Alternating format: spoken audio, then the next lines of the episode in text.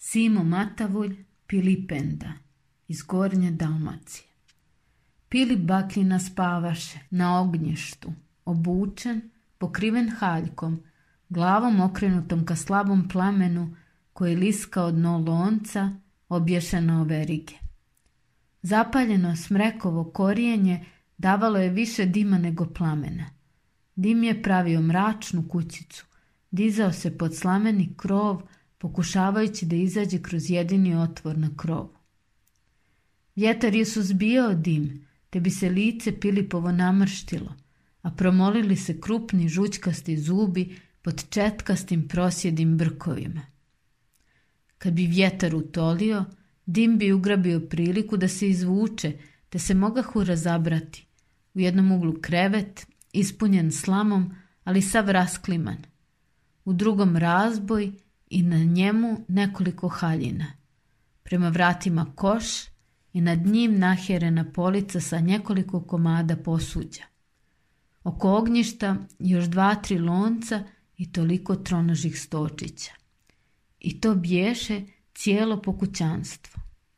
U dvorištu domaćica Jela Pilipova, sitna žena ružna, posmatraše na pozitku dva bremenca smrekovih panjeva – pomješanih sa nekoliko sitnih grabovih cjepanica, što su njih dvoje sa velikom mukom za dva dana nasjekli i prikupili po zabrežju nad selom. Vjetar je landarao njenim zubunom i kosom bez povezače, ona je namještala panjeve kako će tovar izgledati veći. U pregratku grizao je kurijel, sitan, riđ, gotovo sjed magarac, tankih nogu sama kost i koža. Nad njim, na tavancu, bješe složen tovar ječmene slame, njegova krma za cijelu zimu, a pred njim, na zemlji, bješe rukovjet slame njegov jutrenji obrok, koji on grizao lagano, gotovo slamku po slamku.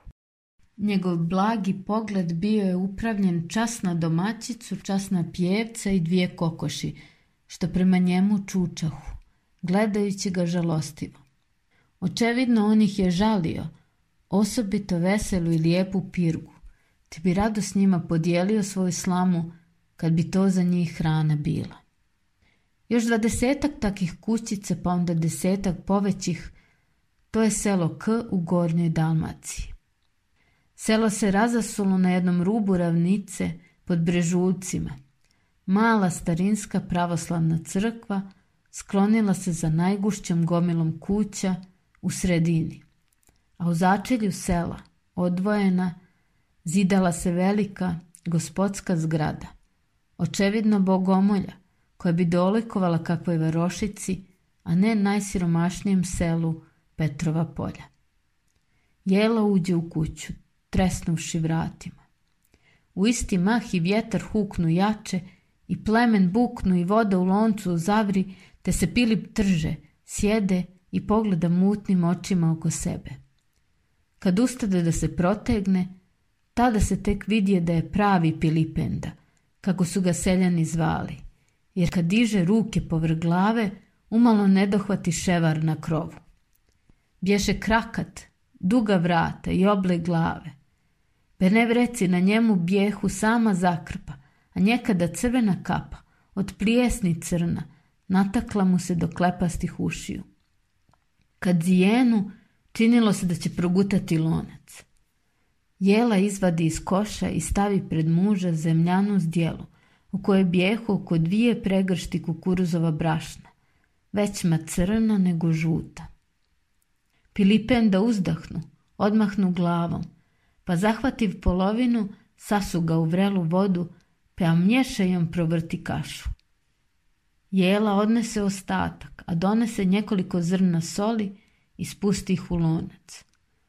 Oboje stadoše gledati kako krkljaka čamak, jedući ga očima. Najposlije Pilipenda skide lonac, izmiješa puru i izruči je u drvenu zdjelu.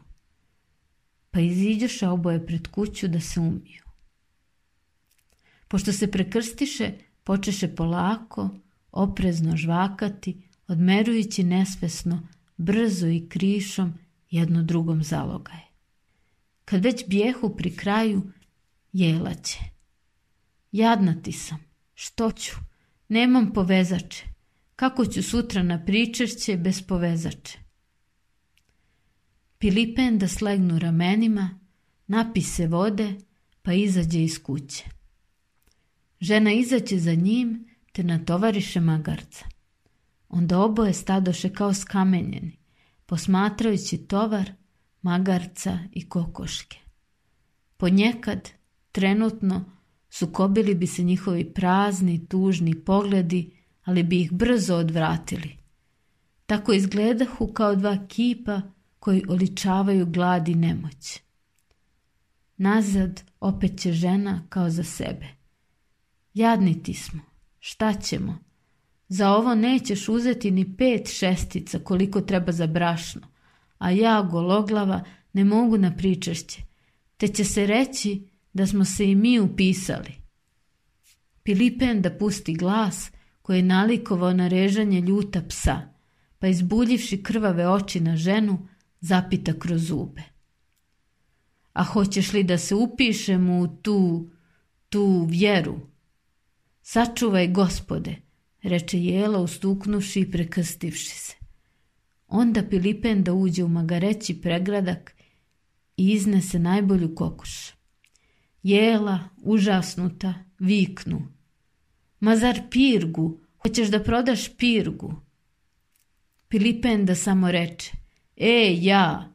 Pa dohvati dugački štap i pođe za magarce. Put je vodio mimo novu crkvu da ču gdje ga njeko ozgo zovnu, ali pljunu put radnika, pa pohita dalje preko njiva. Kad stigoše na kolski put, Pilipenda se osvrte na planinu Dinaru, koja se biljaše od snega. Tužnim pogledom preleti cijelo Petrovo polje, koje se crnjaše u razici.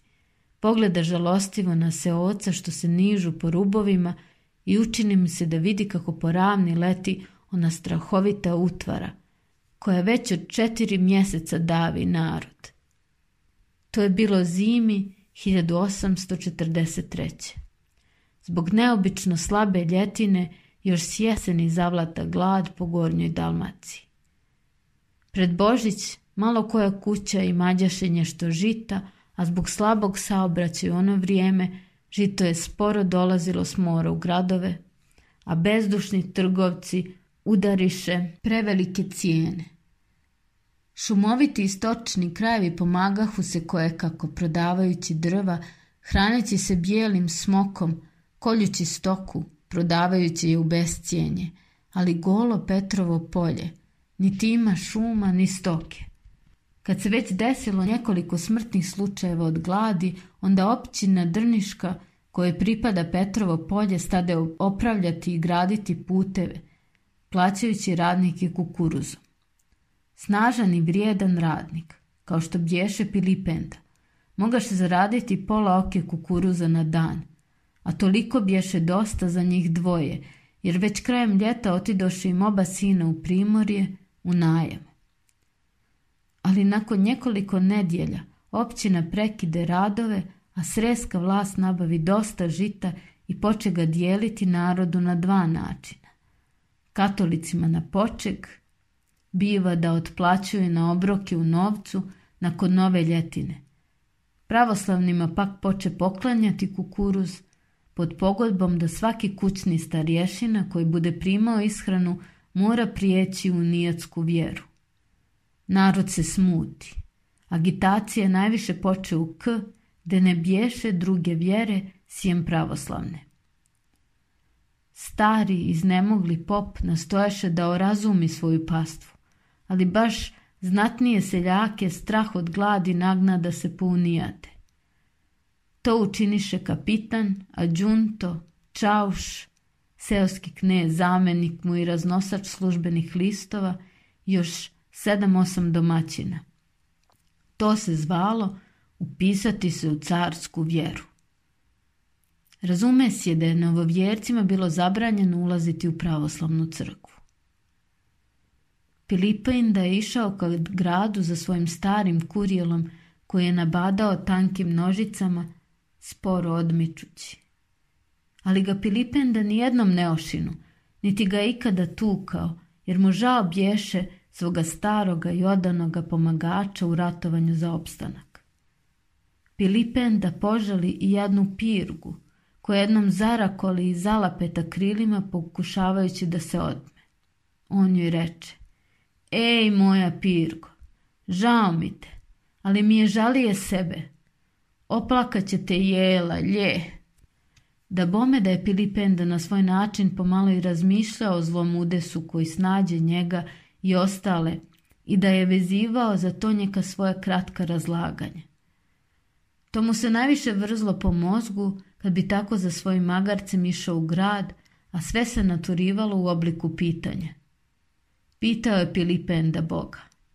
Bogo moj, zašto ti šalješ glad na ljude kad je meni, jednom težaku, žao i stoke kad gladuje? I zašto baš šalješ bjedu na nas težake koji te više slavimo nego lacmani, siti i objesni? Ali opet hvala ti kad dade da smo mi najsiromašniji i najtvrđi u vjeri, te volijemo dušu nego trbuh. U njeko doba da čuje za sebe tutanj koraka. Poredi se i pođe s njim Jovan Kjako.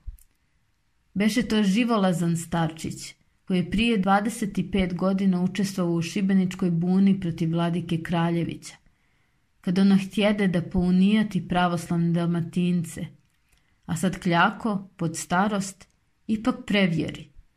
Nazva Boga Pilipendi i dodate. A, jadan Pilipenda, smrznuli se. Balaj da hoću da se ukočanim ovdje nasred puta, ne bih zažalio. A jadan, a što, ti, a što se ti ne bi upisao?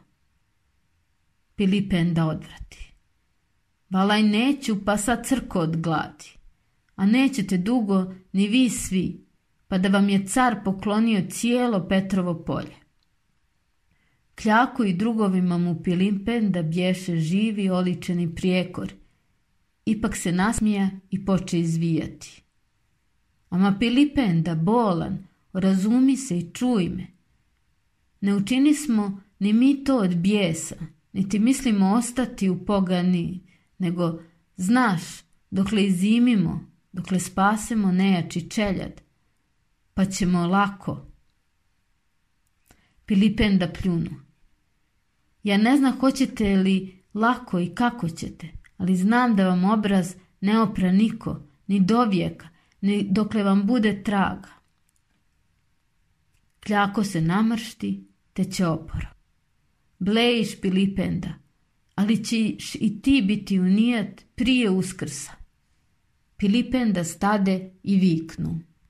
Ja se uzdam u moga srpskoga rista. Ako će mi pomoći, hvala mu. Ako neće, i onda mu hvala. Jer mi je sve dao, pa mi sve može i uzeti i dušu. A ti, kljako ga prekide. Muči Pilipenda, ja sam carske vjere. A je sine, viknu Pilipenda izmahnuši štapom čekaj da ti pritvrdim tu vjeru. Ali kljako pobježe.